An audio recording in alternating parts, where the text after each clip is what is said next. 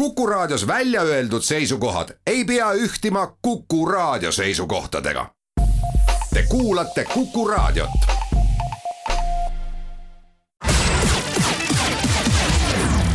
nädala Tegija. nädala Tegija astub hääletusammuga RM stuudio põrandal. ja tere nüüd ka Nädala Tegija stuudiost. selle nädala tegijaks on kahtlemata uus kooliaasta ja sellel aastal ma arvan, et me rõõmustame selle üle kohe eriliselt, sest pikka aega ju ei teadnud, kas lapsed üldse saavad kooli minna ja noh, lõppkokkuvõttes sellest ajast, kui nad eelmine kord koolis olid, on ikka päris palju aega mööda. ja et rääkida uue kooliaasta rõõmudest ja muredest, olen palunud Nädala Tegija stuudiosse Tartu Raatuse kooli direktori Toomas Kingu, tere Toomas! tere kõigile! Saatejuht on Ulle Lents. no Toomas, milline oli sinu uue kooliaasta sõnum kooliperele, et kas sa sel korral mõtlesid kooliaastale natuke teistmoodi ka, kui kõigile eelnevatel aastatel, ma ei taha öelda, et esimene september oleks rutiin eelnevalt olnud, aga mulle tundub, et sellel aastal tuli see esimene september kuidagi teisiti või ma ei tea, kuidas sulle tundub? No tuli ikka, tegelikult ikka juba märtsist saadik me olime täiesti selline noh, teistsugune kool, kui me oleme tavaliselt olnud. ja noh, kuidagi nagu selline natuke imelik oli. et äh, minu sellise karjääri jooksul esimene selline sügis. et äh, lapsi ju praktiliselt märtsist saadik ei näinud, õpetajaid ka ei näinud, töötasime üle võrgu, noh, nii palju, kui sealt võrgust näha oli aga kindlasti selline ärevus oli sees, et kas me suudame nagu nendes tingimustes, mis meil siin praegu on, et nendega kuidagi kooli käivitada ja et ta normaalselt tööle hakkab. et äh, keeruline, aga huvitav, väljakutseid pakkuv no me räägime ikka enamasti lastest, aga tegelikult ma arvan, et see võtmesõna on hoopis õpetajad. et äh, kuidas õpetajad tunnevad ennast uuel kooliaastal, et on ju räägitud, et meil on ka vanemaealisi inimesi, kes kuuluvad selle koroonaviiruse vaatevinklist meil riskigruppi, et kas õpetajad muretsesid, kas nad muretsesid oma tervise pärast või kas nad muretsevad oma tervise pärast? no loomulikult, see on ju nii inimlik, et iga inimene muretseb oma kõige tähtsama vara, see on tervise pärast. aga noh, ülemuretsemine ei aita ka, pigem on see sõnum ikkagi üks, et hoia ennast ise ja hoia teisi, hoia oma lähedasi, ära mine sinna, kuhu vaja hetkel ei ole ja kuidagi, kui võtta nagu talupojamõistusega asja, siis äh, tuleb toime. kuigi noh, ütleme, eks keeruline on. et me ju täna ei oska ka öelda, et mis juhtub homme, me täna võtame tõesti üks päev korraga ja kui juhtub äh, mingi kriisisituatsioon olema, siis me pigem otsime lahendusi, süüdlaste otsimine ei vii mitte kuhugi. pigem otsime lahendusi, kuidas edasi minna ja kuidas nagu hakkama saada ma olen kuulnud, et äh, koolides see nii-öelda pabistamise tase on üsna erinev, et äh, mõnes koolis noh, suhtutaksegi niiviisi terve talupoja mõistusega, et loomulikult käsi tuleb pesta ja igal võimalusel lapsed lähevadki kraani alla, pesevad oma käed vee ja seebiga puhtaks ja koolis ikkagi nagu vanasti on tunnid ja on vahetunnid ja siis on teised koolid, kus lapsed nagu hommikul lähevad äh, klassiruumi ja sealt nad eriti peale suure vahetunni välja ei pääse ja igal sammul on desovahendid ja õpetajad isegi üksteisele ei julge lähemale minna, et ma ei tea, kuidas selle, seal sinu koolis on? nojah, ega need on nüüd kaks äärmust, meie oleme seal kuskil vahepeal. selge on see, et äh, ainult käte pesemisest ka ei aita, et äh, meil on ka desovahendid ja meil on ka lapsed hajutatud ja aga see ei tähenda, et äh, nad ka majas liikuda ei saa, et me oleme nad ruumi sulgenud pigem me läksime üle koduklasside peale, me panime seal neid äh, desovahendeid natuke juurde, rõhutame lastele, et käige ikka sealt läbi, ja me vanemaid piirasime vanemate majja tulekut, et sellist ristsuhtlust äh, püüdsime natuke vähendada. et see on nagu selline tõsine oht, et kui kuskilt läheb, et ta ei levi, et me suudame ta lokaliseerida aga noh, üle, üle ei maksa ka pingutada. Et see on nagu selline jälle talupojamõistusest lähtuv, et sa saad teha teatud asju, piirata teatud asju, aga kui sa sellega üle lähed, siis tegelikult tekib vastureaktsioon. No ega nendes koduklassides nüüd midagi väga erilist ei ole, sest meie sinuga mäletame oma kooliaega ja siis suures osas oligi see ju koduklassis õppimine. No jaa, seda kindlasti kuigi noh, liikumist ikka on, sest noh, keelegrupid on ja meil on ta, temporühmad ja ega see selline liikumine on, aga sa pead läbi mõtlema kogu logistika. ja selles mõttes me tegime logistikaga ikka päris kõvat tööd, et kuhu me paneme mingid vanuserühmad, millal nad tulevad kooli, millal on nende söögivahetunnid, millal on nende liikumisvahetunnid, kuidas nad liiguvad, kus nad riided vahetavad ja nii edasi, see oli päris paras selline väljakutse, et kogu see asi nagu toimima panna no ma arvan, et eh, kui üldse kusagil sellist asja saab toimima panna, uued reeglid, palju erinevaid variante, siis on see just nimelt kool, sest vaatamata sellele, et lapsed on kärsitud ja nad tahavad palju liikuda ja uued reeglid võib-olla on keerulised vastu võtta, siis kool on vaat selline asju reeglipäraselt, ka tavalises elus reeglipäraselt korrastav asutus ja ma arvan, et et koolis siiski annab reegleid võib-olla paremini kehtestada kui kusagil mujal ühiskonnas? no öeldakse ju, et kool on teatud määral ka sunniasutus, kus on peale sunnitud reeglid. Ja noh, vot reeglitega on ka selline asi, et kui ma ise koolis käisin, siis mul oli ikka alati mõnu neid reegleid rikkuda. Ja ega lapsed ei ole muutunud, ikka pannakse proovile, ikka tahetakse natuke teistmoodi, mitte reeglitest kinni pidada ja sellised rüblikud poisid, nendega tuleb lihtsalt rääkida, et kuule, ole hea mees, et mõtle natuke, mis sa teed, et see seab kõik ohtu. aga minu meelest nagu lapsed tajuvad äh, ka sellist hetkesituatsiooni päris adekvaatselt. eks kodus ole räägitud kindlasti ja eks, eks nagu see informatsioon tuleb neile ju netikanaleid kaudu ka sisse.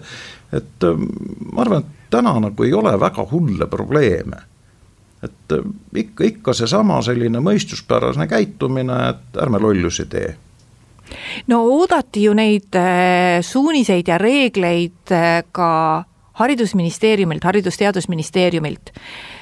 ma saan aru, et tegelikult vastutus on kogu olukorra eest siiski koolijuhil ja koolijuhil on võrdlemisi suur võimalus neid reegleid ka tõlgendada, oled sa ise pigem selline koolijuht, kes tahaks, et sul on väga selgelt algusest lõpuni kirjeldatud, kuidas sa pead käituma erinevatel juhtudel või oled sa selline tõlgendaja ja, ja noh, sina oled majas ikkagi see, kes ütleb? vot siin on jälle niimoodi, et üksinda ei ole ma mitte keegi, meil on meeskond ja ma olen tohutult uhke oma meeskonna üle, kes nagu mõtles kaasa, nad olid kohal nad arutasid, vaidlesime, tulid uued ideed, see on puhas meeskonnatöö. aga kindlasti olen ma seda, seda meelt, et igasugused ettekirjutused ei kajasta mitte kunagi tegelikkust. kui keegi ametnik mõtleb kuskilt mingi reeglistiku välja, siis ma võin kikla vedada ja mütsi ära süüa, et tegelikult need asjad ei hakka tööle ja selles mõttes on täna koolijuhi vastutus võib-olla tõesti natuke suurem aga samas annab see võimaluse toimetada niimoodi, et sellel koolil on äh, selline normaalne toimimisrütm, et ta ei lähe lappama et aetakse näpuga rida kuskilt paberitest, et vot nüüd tuleb teha siin seda, siin seda, siin seda, vaid tegelikult mõeldakse ise loominguliselt, et kuidas meie suudame oma lapsi, oma vanemaid, oma õpetajaid hoida ja säästa. see on minu arust täiesti kui eluterve lähenemine. me teeme siinkohal oma jutuajamisse väikese pausi ja läheme hetke pärast edasi nädala Tegija. nädala Tegija astub hääletusammuga RM stuudio põrandal. Nädala Tegija saade läheb edasi, stuudios on Tartu Raatuse kooli direktor Toomas Kink. Ja Toomas, ma tahaksin selles eriolukorras või selles olukorras, kus me täna elame, veel küsida vaat sellise tavapärasest erineva koolikorralduse faktide kohta, et kuidas teil on, et kas lapsed maske kannavad, kas õpetajad kannavad maske, kas need visiirid, millest räägiti, on kasutuses või et eh, kuidas sellega on? tegelikult ei ole meil ei maske ega ei ole meil visiire.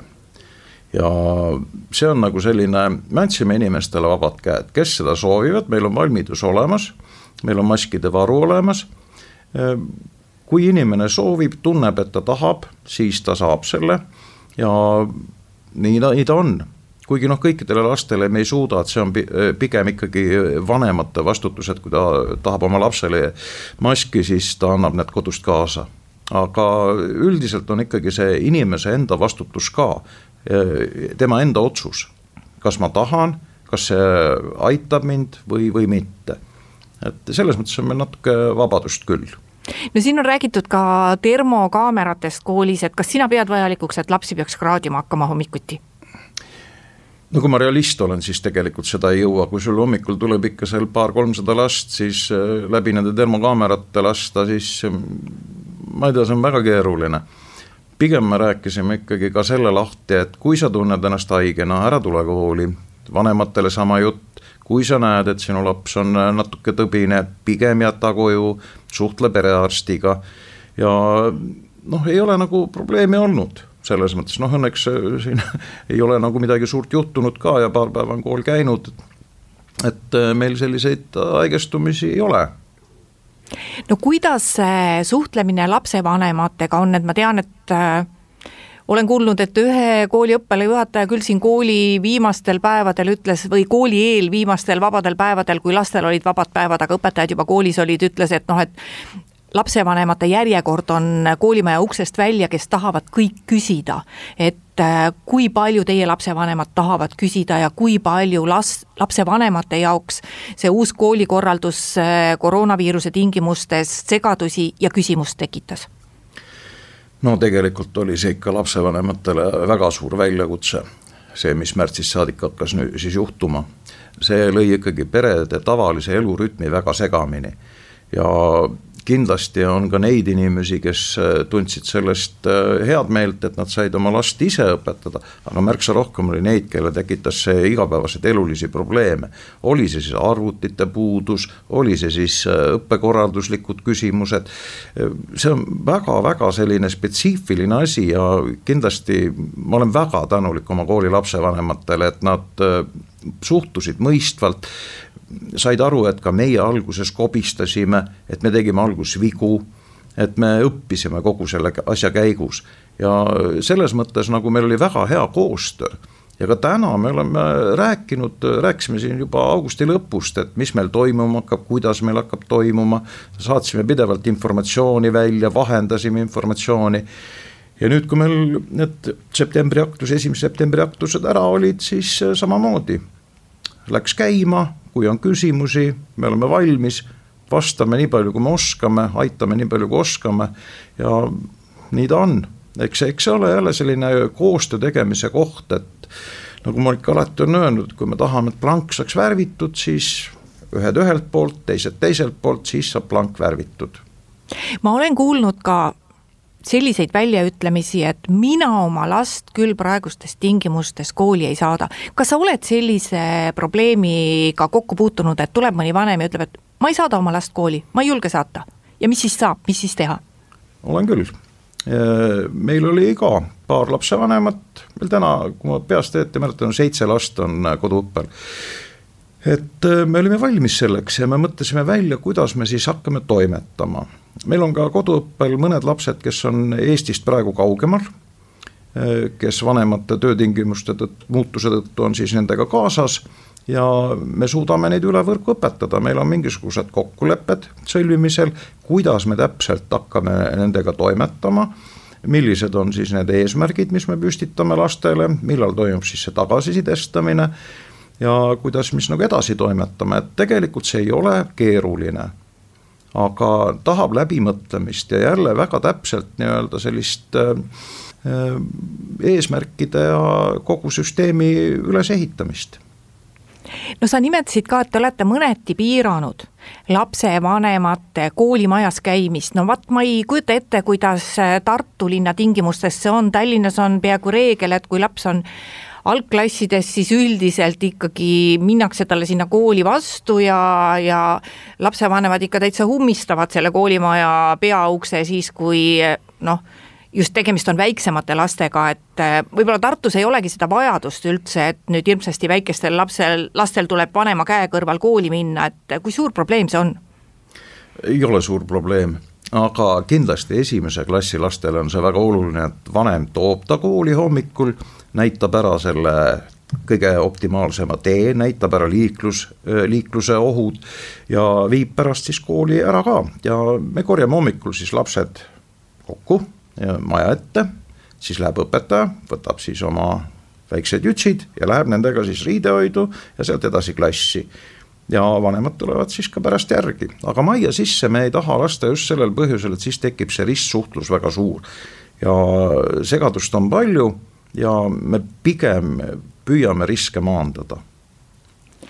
Muide, kas tänapäeval on koolis või kas sinu koolis on ka mingi meditsiinitöötaja, kes kogu aeg seal oleks, et ma ei kujuta ette, et kui nüüd tekib selline mingi meditsiiniline küsimus või, või probleem, et kas laps on terve või mitte, et noh, iseenesest mõista, et seda peaks hindama meditsiinitöötaja, et kas, kas statsionaarselt koolis on olemas kooliõde? jaa, on ikka, ilma selleta ei saa kohe kuidagi ja meil on hästi tore kooliõde kes on lastele toeks. Ja tegelikult me kõik asjad, mida me oleme ette võtnud, arutame temaga läbi.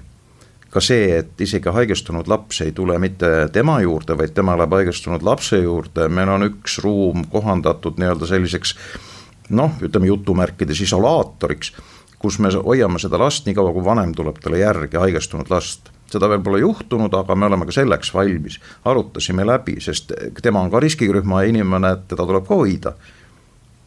Kas kõik õpetajad olid nõus tulema sügisel kooli, vaat me siin saate algul rääkisime, et ega siis õpetajatel on ka omad hirmud ja see on üsna normaalne, et inimestel sellise haiguse ees ongi hirm, et kas sinul tulid kõik pedagoogid uuel kooliaastal kooli jälle tööle? jaa, kõik tulid. Ja ma selles mõttes ka müts maha oma kolleegide ees, et äh, on muidugi hirmud, olgem ausad, et äh, kellel on vanad äh, vanemad elavad ja noh, on riski, tugevas riskirühmas, kellel on muid probleeme no see on, see on inimlik ja ma arvan, et selles mõttes nagu tuleb natuke mõelda, nat-, see pilt peab olema suurem. et kuidas ma hoian ennast ja kuidas ma seeläbi hoian oma lähedasi. et äh, see ei ole nii, et äh, noh, hulljulgelt hüppame pea ees vette ja vaatame, mis juhtub. et äh, ole hoitud ja hoia ise, on see selle aasta sõnum me teeme siinkohal oma jutuajamisse natuke pikema pausi, kuulame ära Kuku raadio poolased uudised ja siis räägime Tartu Raatuse koolijuhi Toomas Kinguga juba edasi nädala Tegija. nädala Tegija astub hääletusammuga RM stuudio põrandal. nädala Tegija saade läheb edasi. stuudios on Tartu Raatuse kooli direktor Toomas Kink ja Toomas, räägime nüüd natuke õppetöö sisust ka, et kui veel me vaatame seda kevadist perioodi, et kas me täna päris täpselt teame, et äh, alguses oli ju distantsõppel raske ja, ja keegi ei olnud sellises mahus ka pedagoogide poole pealt seda ju läbi teinud, seda pole mitte kunagi varem vaja olnud. et kas me täna teame, kui palju meie lapsed nendes uutes tingimustes õppisid või on seda üldse vajalik nüüd sügisel kindlaks teha, et äh, mis tasemel see kevad lõpetati või, või mis sa arvad sellest? No ega ma ei oska ka öelda, ma ei ole selgeltnägija, aga mu sisetunne ütleb vähemalt seda, et need, kes õppisid enne, kes said häid tulemusi, need tegelikult selles distantsõppes äh, tegid täpselt samamoodi tööd. Ja need, kes enne lasid üle nurga, need tegelikult lasid ka distantsõppes üle nurga. Ja ma arvan, et see on nagu rohkem seotud ikkagi inimese sisemise motivatsiooniga, enda juhtimisega kui palju vanemad toetasid, kui palju kool suutis abi pakkuda, see on terve kompleks asju. ja kindlasti on neid lapsi, kellele distantsõpe absoluutselt ei sobi. ja ka seetõttu me tõime juba siin suve alguses osa lapsi kooli tagasi me juba septembris aitasime osadel lastel uuesti järele järje peale jõuda, et äh, see oli hädavajalik. aga no oli neid lapsi, kelle puhul koolis need tulemused olid äh, kehvakesed, aga distantsõppes laps läks lahti. talle sobib selline õppemeetod ja siin ongi, et äh, me tegelikult ju täna koolis ei suuda õmmelda rätsepa ülikonda, meil on ikkagi selline massitarbekaup rohkem. see, mida riiklik õppekava nagu ette paneb, aga paraku kui me ikkagi tahame edasi liikuda, siis me lähme rohkem, üha rohkem selle poole, et me näeme individuaalsust. me näeme tema eripärasid ja vastavalt sellele me hakkame ka õppetööd tema jaoks kohandama.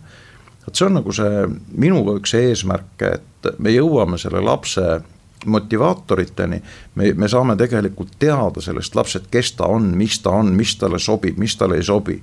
ja noh, kui me sinna ükskord pärale jõuame, siis ma olen väga-väga rahul no vot, sa koolijuhina tead ju ilmselt väga hästi, et inimeseks kasvamisel see teadmiste omandamine on ju üks külg, aga see, missugune inimene sinust tuleb, oled sa rõõmus, oled sa vastuvõtlik, et eks ju õpitulemused ju ka otseselt sõltuvad sellest, kas inimesel on motivatsioon ja kas ta tunneb rõõmu õppimisest, et ega mitte keegi meist ei taha ju teha pidevalt mingit tööd, mis on vastumeelne. et kuidas lastele mõjus see kevadtalvine periood vaat sellise vaimse tervise koha pealt, et noh, ma ise mäletan, et kui ma olin laps, siis ju võtmeküsimus oli see, et sa saaks sõpradega koos olla. et noh, praegu võib-olla tõesti ongi väga tore, et kui sa muud ei tee, et lähed pärast tööd koju ja seal tegeledki vaikselt oma asjadega. aga mingis vanuses on need sõbrad on võtmetähtsusega ja vot see, et sa mitu kuud ei saanud sõpradega suhelda, et noh, eks see oli ka üks selline omamoodi riskitegur, et see suhtlemine on ju täpselt sama tähtis kui see, see, et sa õpid seal kodus jah, kindlasti, vot need on need äh, sotsiaalsed oskused, mida tegelikult kool annab. see on see, mida üksinda omandada on natuke keeruline. et suheldes teistega ma omandan äh, nii-öelda sellist varjatud õppekava. see on see, mida ei ole kuskil kirja pandud, aga see on see, et ma oskan olla teistega koos, ma oskan teist aidata, ma oskan teisega arvestada, natuke empaatiat õpime selle kaudu. et see on selline täiesti teistsugune asi ja selle, selle puhul kool on asendamatu, justkui selline suhtluskeskkond. aga noh, ütleme, kui me vaatame praegu inimest, siis äh, mis on olulisem, kas need sotsiaalsed oskused või tema teadmised kas töö, tööandja küsib inimese käest töövõtuintervjuul, et no kuule, ole hea, räägi mulle nüüd Pythagorase teoreemist või räägi mulle seal ebareeglipärastest verbidest. ei, ta küsib ikka, et kuidas sa meeskonnatööd teed, kuidas sa suhtud sellesse asjasse, mida sa teeksid siis, kui. Need on need asjad, mida tegelikult kool peab andma. kool peab suunama, kool ei saa midagi anda loomulikult, vaid ta saab suunata last tema arengus, et ta omandaks need oskused. ja ma arvan, et eh, eks need rõhuasetused hariduses hakkavad tasapisi muutuma, nende faktiteadmiste osakaal väheneb oluliselt ja asemele tuleb hoopis midagi muud. sest lapsed, kes täna on koolis, lähevad tööle noh, ütleme kümne, viieteist aasta pärast. milline see töömaailm on, kuhu nad sisenevad? see on hoopis teistsugune, see on hoopis teistsuguseid oskusi, teadmisi vaja. ja kool peab selleks valmis olema, aga no mina ei ole see prohvet, kes suudab öelda, et milline on töömaailm viie aasta pärast võib-olla lähemat kolme ma suudan prognoosida, aga viitkümmet kindlasti mitte. ja see on hästi keeruline, et äh, kool laob selle vundamendi, mille peale ehituvad kõik järgmised. ja selles mõttes olen mina nagu seda meelt, et vundament laotakse esimeses kolmes klassis ehk algklassi õpetajatel ja ka koolieelse lasteasutuse õpetajatel, ka nendel on väga suur roll inimese arengus me ei õpeta aineid, me tegelikult kasvatame inimesi. Ja vot nüüd jõuamegi selleni, miks me hoiame hirmsasti pöialt, et me ei peaks sinna distantsõppele äh, sajaprotsendiliselt tagasi minema, et vot just see inimlik kokkupuude, kontaktid ja eeskujud, et meil absoluutselt kõigil kindlasti, ma olen päris veendunud, on äh, kas siis oma koolist, äh, kusagilt huviringist, aga ma usun, et kindlasti igaühel on meil selline noh, õpetaja kes on meid inimesena mõjutanud, et noh, see võib olla ka muidugi suguvõsas keegi vanem, aga meil on kindlasti kõigil olemas täiskasvanu, eh, kes on meid mõjutanud. Ja kui ma oma kooli peale tagasi mõtlen ja mõtlen selle peale, mida me oma klassikaaslastega räägime, siis me alati räägime, et eh, tegelikult selles, tänu sellele on saanud meist enesekindlad eh, inimesed ja rõõmsad inimesed, et me oleme pärit nii ägedast koolist, nagu me oleme, et, et vot see on see kontaktide vajalikkus, mida sa ise ka just rääkisid. jah, ma olen sinuga täiesti päri, et noh, igal inimesel on elus mingisugused eeskujud. Ja lastel ka et äh, kas see tuleb kodust, tuleb see trennist, tuleb see kuskilt mujalt, äh, aga sageli tuleb ka koolist. ka minul on olnud õpetajad, kelle puhul ma siiamaani tagasi vaadates tuletan sooja tundega meelde seda, mis ma seal siis korda saatsin ja, ja mida nad siis minuga tegid. aga samas on ka vastupidiseid näiteid, et on ka antieeskujud, et ma kindlasti ei teeks mitte kunagi nii, nagu minuga kunagi tehti. ja eks see ole jälle see õppimise koht, et sa teedki valikuid et sa vaatad oma eeskuju peale, püüad tema moodi olla ja see, kes on siis nagu antipood sellele, et sa siis vaatad, et ma niimoodi ei teeks. et nii, nii see õppimine ja kasvamine tegelikult elus käib vot nüüd ma saangi siin selle peale küsida kohe, et aga et kuidas meil nende rangete reeglite tingimuses, tingimustes see kooliväline ja huvitegevus või tunniväline ja huvitegevus üldse on, et, et kas lisaks sellele, et sa käid koolis ja õpid tunnis ja oled siis nagu varmas järgima neid meditsiinireegleid ja, ja ohutuse reegleid, et kas ikkagi sellised trennid, huviringid, muu tunniväline tegevus säilib? mitte päris sada protsenti eelnevas mahus, sest äh, praegu ju teatud situatsioonis tuleb mõelda, et äh, kui me paneme noh, koorid tööle sada protsenti, nii nagu nad varem olid, siis äh, see tõstab oluliselt riskiastet. Aga samas teha kooriharjutusi äh, seal häälerühmade kaupa, täiesti võimalik. see on jälle see hajutamise küsimus ja mitte, mitte nende massiürituste küsimus, et me korjame kõik siis ühte suurde ruumi kokku ja hakkame selles toimetama. Ja me praegu ka registreerime ringidesse ja vaatame, kuidas me ringid käima saame, et äh, noh, me ei taha lastelt ära seda ka võtta, et nad siis jääksidki ainult õppetegevuse peale, vaid me püüame ikkagi seda teist haridust ehk äh, huviharidust edendada samamoodi. muidugi jah, tuleb läbi rääkida, tuleb see kõige parem variant otsida. aga võimatuid asju ei ole, alati on mingisugused lahendused, kuidas saab teha.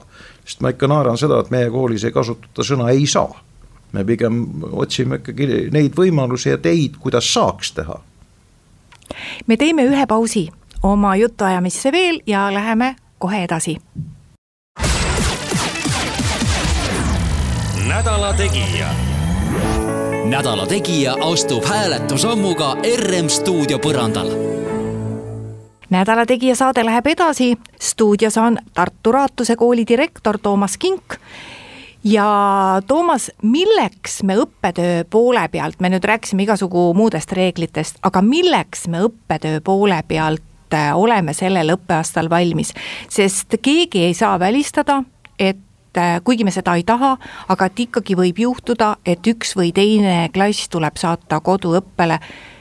kuidas see õpetaja sellega hakkama saab, et noh, et ta peab koolis tunde andma, ta peab siis veel distantsõppel tunde andma või on seal olemas mingisugune võimalus kasutada äh, teisi õpetajaid, kes siis töötavad distantsõppel, et kuidas te selle paika olete pannud, sest selleks peab ju valmis olema no meil tegelikult on äh, päris mitmed erinevad stsenaariumid läbi mängitud. noh, ma ise olen nagu mõt-, mõtlemiselt selline modelleerija, et äh, mulle väga meeldib, et kui oleme läbi arutanud, mis me teeme siis, kui. ja meil ongi täna laual variant A, B, C, D. me täna räägime sageli sellest, et äh, mis saab siis, kui lapsed jäävad klassiga koju, aga mis saab siis, kui õpetaja haigestub. aga mis saab siis? toimime Äh, sõltub sellest haigestumise astmest, kui ta on suuteline kodust andma tundi, siis me peame tehniliselt võimalused looma niimoodi, et ta saab äh, tundi anda distantsilt. ja lapsed on klassis. Aga noh, see tõenäosus, et selline stsenaarium käivitub, äh, on suhteliselt väike, sest õpetajad puutuvad lastega kokku. Ja kui toimub tõenäoliselt mingi nakatumine, siis kehtib ju kojujäämine nii õpetajatele kui lastele et pigem on see, et kuidas me siis toimetame, kui õpetaja on kodus ja lapsed on kodus. et äh, väga oluline on tehniline valmisolek ja siin me täna oleme tegelikult parasjagu kahvlis. et äh, mis peab õpetajal olema, tal peab olema korralik veebikaamera, tal peab olema korralik mikrofon ja korralik arvutiühendus. arvutiühendustega on meil nii, nagu on ehk äh, mõnes kohas on äh, selleks, et korralikku ühendust saada, peab minema kümme kilomeetrit eemale.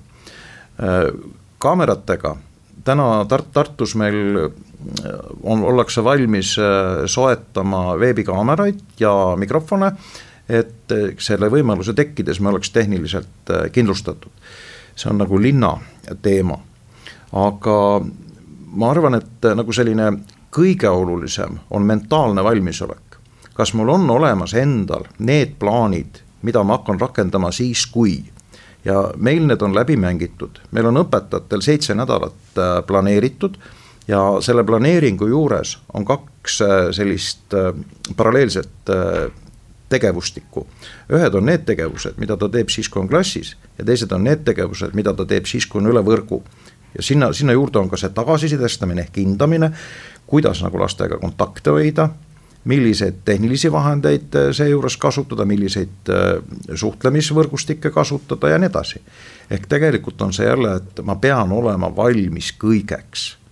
loomulikult me ei suuda näha kõiki ohte, me ei suuda olla ka sellised, et me rahuldame kõikide inimeste vajadused.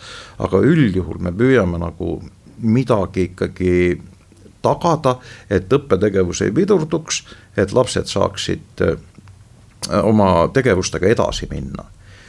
et eks, eks see selline mõttetöö ole. kui palju lisatööd see õpetajatele toob ja kas seda on võimalik ka tasustada? tasustamisega on keeruline, rahakott on nagu ta on, meil on kolm, kolm korda sel aastal juba eelarvet kärbitud ja ega meil järgi suurt midagi jäänud ei ole. et me tasustada väga ei saa, aga lisatöö osas on nüüd niimoodi, et äh, kui see on korralikult ära planeeritud, kui see on äh, läbimõeldud, siis väga suurt lisatööd see kaasa ei too. isegi siis, kui lapsed on kodus, õpetaja on koolis, siis tehnilise valmisoleku korral lapsed saavad järgida kokkulepitud tunniplaani ja nad saavad seal kohal olla üle võrgu küll.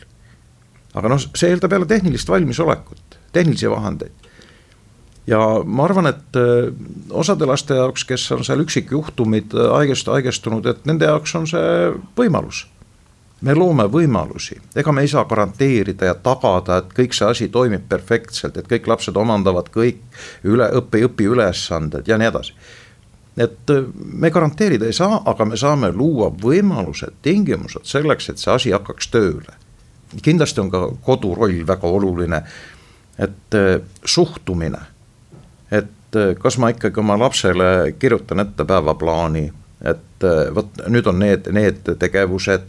Äh, ma siin ka puutusin kokku siin kevadel ka, et mõnel oli väga täpne päevaplaan kus olidki, et äratus oli sel kellal, siis söime, siis hakkasime õpitegevusi tegema, nüüd on puhkus, nüüd on mänguaeg ja siis teeme jälle edasi ja mõnel pool lasti ikka lastel päris sellist vabakasvatust harrastada ja seal ei olnud need tulemused mitte sugugi kõige paremad no vot, eh, kuna olukord on nii teistsugune, siis ma ei olegi üldse saanud sinu käest küsida neid tavapäraseid küsimusi, mida ikkagi uue kooliaasta alguses küsitakse, et no üks probleem on eh, alati meil ju see, et eh, õpetajaid ei jagu ja õpetajakaader on meil vana ja noored ei taha kooli minna ja õpetaja on ületöötanud ja alarahastatud, ma arvan, et noh, kõik need väited, kui me saaksime rääkima ta tavaolukorras, ma arvan, et kõik kõik need väited, mis ma nagu need negatiivsed ütlesin, need ikka vist äh, päris igal pool äh, ei päde. et äh, kui me räägime seda, et õpetajaid ei ole, siis ma arvan, et kui neid üldse kusagil on valida, siis ilmselt Tartus, on see nii? no nii ja naa, tööjõuturg on üks keeruline asi ja kuna nüüd toimuvad siin tööjõuturul väga olulised nihked, siis need inimesed, kes on mingil hetkel läinud õpetajaametist kuhugi teist ametit pidama, hakkavad haridussüsteemi tagasi naasma. ja täiesti selline normaalne nähtus. mina selle nutualaga pole mitte kunagi kaasa läinud, et noh, õpetajaid ei ole ja tegelikult on, õpetajad on, õpetajaid liigub, aga väga häid õpetajaid, neid, keda mina igatsen neid on, neid on vähe ja nad ei liigu.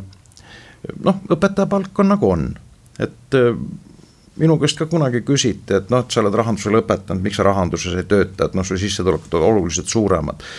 aga kas elu, elu nagu põhiküsimus on raha või on äkki midagi muud või on hoopis see, et sa suudad mõnele lapsele olla siin elus kasulik, talle jalad alla aidata, et ta oma eluteel saaks edasi minna ja tunned rõõmu tema kordaminekutest. minu jaoks on see ülimalt oluline. et mõnele sellele kraadele poisile, keda aeg-ajalt ka tahetakse koolist välja visata, ma suudan talle jalad alla aidata ja edasi minna. ja see on nagu sellised noh, hoopis teistsugused, see on väärtused, mida, mida sa tegelikult väärtustad elus. kas raha, kas siis eh, mingid eh, muud eh, asju ja noh, kindlasti on see, et raha peab nii palju olema, et sa suudad ära elatada ennast ja oma peret. aga kindlasti mitte primaarne ja noh, muidugi eks, eks neid selliseid alasid ole ikka. mul on väga hea meel, et mul on, majas on mehed, noored mehed, meil on majas väga palju noori. meil on kogenud õpetajaid, kes on selle kooli tõelised patrioodid, kes noh, elavad kooliga koos, hingavad kooliga koos. Nad elavad seda kooli, nagu ma ise ütlen. see on minu kool, see on meie kool, see on nende kool ja see on nagu see väärtuspõhine toimetamine. et ma olen uhke selle üle. aitäh, Tartu Raatuse kooli direktor Toomas Kink tulemast Nädala Tegija saatesse. ilusat kooliaastat sulle, sinu kolleegidele ja kõigile õpetajatele ja õpilastele. Ja muidugi ütleb saatejuht siinkohal aitäh kuulajatele ka kuulamise eest. Ja järgmine Nädala Tegija on eetris juba nädala pärast, kuulmiseni. Nädala Tegija. nädala Tegija astub hääletusammuga RM stuudio põrandal